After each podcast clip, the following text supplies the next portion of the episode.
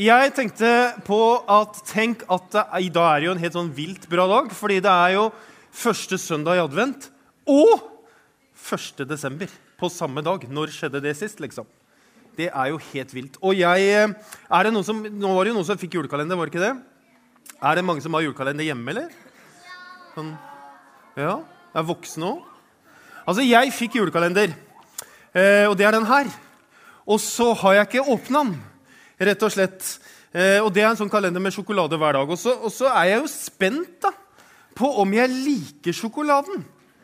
Ja, det er veldig kjedelig å få en julekalender og så, og åpne, og så kjenner du at jeg likte ikke sjokoladen. liksom. Det er trist. Men tror dere at, eh, at den sjokoladen er god, eller? Tror dere det? Ja, det er bra. Det, det som er her, da, er at vi har, det, vi har en, en uh, første søndag i adventjulegave til dere. Når dere går ut herfra, og jeg tror noen tok det med seg på veien inn, og det er helt greit, og det er denne. En penn. Er ikke det flott, eller? Kan vi høre litt begeistring? Yes! Det er jo veldig raust. Vi vurderte, da, i og med at det er ikke så mange som skriver med penn lenger Man skriver jo ofte på telefon eller på iPad, og sånt, så vurderte vi å gi iPad til alle som kom. Men eh, det, det, ble jo litt dyrt da, hvis vi skulle gjort det. Men det er jo mange som skriver med penn. Og en av de som har skrevet med penn, han skrev for veldig lenge siden. Han heter Jesaja. Og han skrev i sin bok så skrev han, For et barn er oss født, en sønn er oss gitt, herreveldet er lagt på hans skulder, og han har fått navnet Underfull rådgiver. Ikke sant? Det er der ordet kommer fra.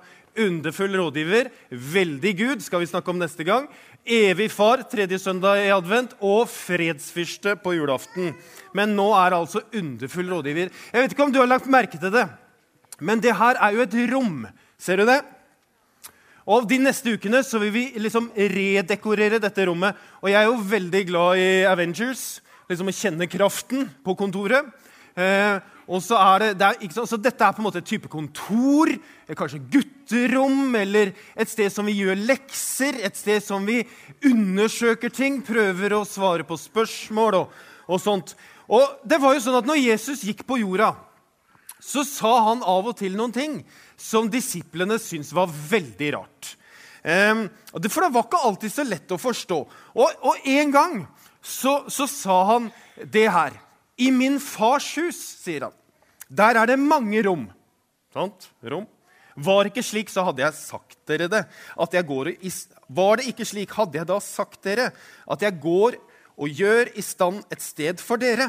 Og når jeg har gått og gjort i stand et sted for dere, vil jeg komme tilbake og ta dere til meg, så dere skal være der jeg er. Og så sier han, og dit jeg går, vet dere veien. Blant disiplene til Jesus var det en som heter Peter. Og Peter han var veldig på, så han var med en gang sånn Yes! Du går et sted! Vi vet veien! Hipp hurra! Det er helt superdupert. Og mens han står sånn, så ser han over på sida. Og så ser han også at en annen står med hånda i været. Og det er en som heter Thomas. Men han står ikke sånn. Han står sånn. Og så sier han men det, Og da tenker han som står her Men Thomas, hvorfor i all verden? Hver gang Jesus skal si noe, så har du noen spørsmål. Men så sier da Thomas hva er Thomas han sier? Han sier, 'Herre, vi vet jo ikke hvor du går.' Du sier jo du bare skal gå et sted, men vi vet jo ikke hvor du går. Så hvordan skal vi da vite veien? Jeg skjønner ikke noe, sier Thomas. Kan du forklare meg det? Har du hatt det sånn? Jeg har i hvert fall hatt det sånn at noen ganger så har jeg sittet i et klasserom senest denne uka og tenkt på at jeg er den eneste som ikke forstår noe, eh, og at alle andre forstår noe. Jeg, og jeg burde vite hva svaret er, men jeg tør ikke stille spørsmålet. Har du hatt det sånn? Ja. Det er jo litt flaut, og det er jo derfor du får en penn sant, i dag. Fordi det skal hjelpe oss til å huske at vi kan stille spørsmål til Jesus. Fordi han er underfull rådgiver.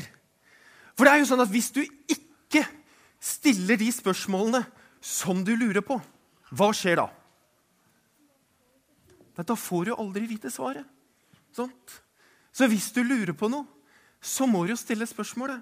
Og Gud, han både tåler alle spørsmålene dine, og så elsker han at han stiller deg spørsmål. Fordi han er jo rådgiver.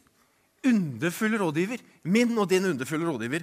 Det var tre menn som eh, opp gjennom livet hadde stilt mange spørsmål. Og De hadde lest mange bøker og undra seg og undersøkt og sånt. Og så vet du hva vi kaller de for? Vi kaller de for de tre vise menn, ja.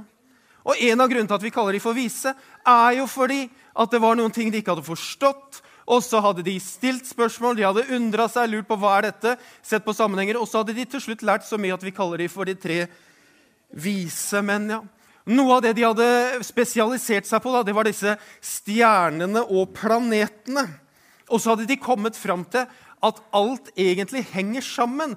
Trodde de at det som, Hvis det var noe som kom eh, på himmelen, så betydde det at det hadde skjedd noe på jorda. Og hvis det skjedde noe betydningsfullt på jorda, så ville det vise et tegn på himmelen. Og plutselig en dag vet du, så kommer dette store lyset, denne store stjernen på himmelen.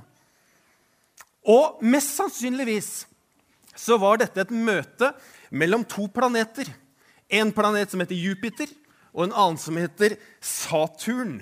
Og da blei det en sånn ekstra sånn lyssterkhet på himmelen. Og det tegnet der, det at det var Jupiter og Saturn, det ga de tre vise menn mening.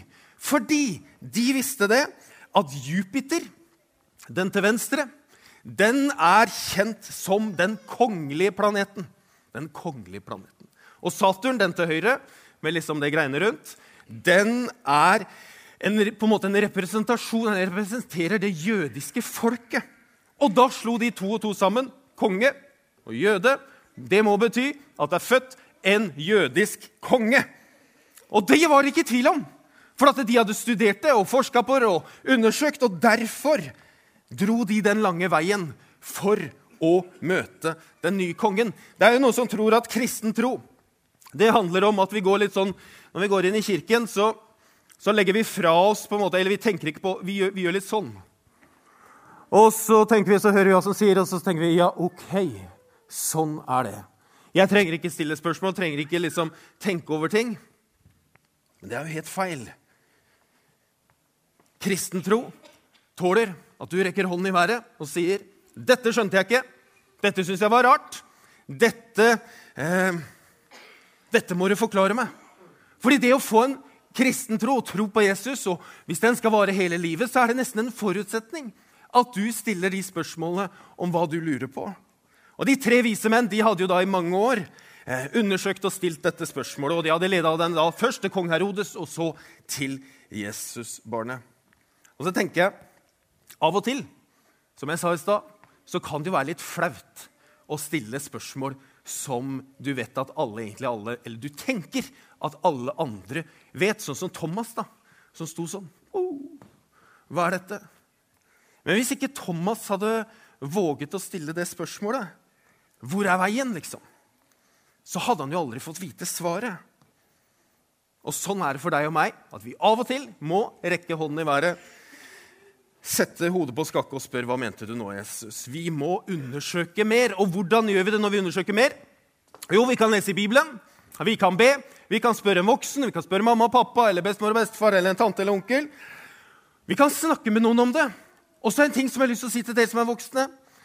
Vet du hva vi også kan gjøre, vi som er voksne? Vi kan gjøre det som barn og unge òg. Altså. Vi kan lese en bok. Og Derfor er vi jo veldig glad for at nå har vi bokhandel i hjørnet. Er ikke det flott?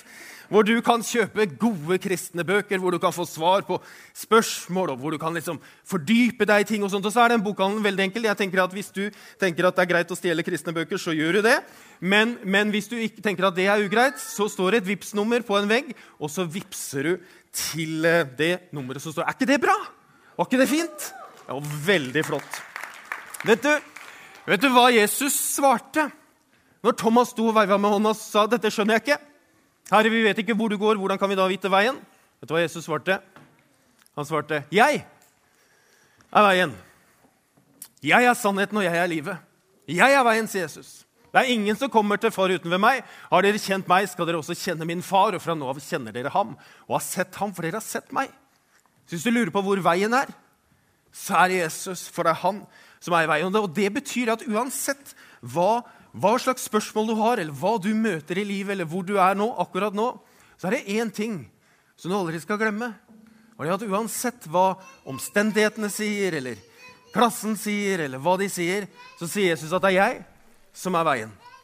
Det er jeg som er sannheten, og det er jeg som er livet. Gud velsigne deg. Skal vi be en kort bønn. Takk, Jesus, for at du er vår underfulle rådgiver. Takk for at vi kan stille deg alle mulige slags spørsmål, fordi du er veien, det er du som er sannheten, og det er du som er livet. Og takk, Jesus, for at du alltid vil være vår venn for livet. Velsign oss alle i Jesu navn. Amen.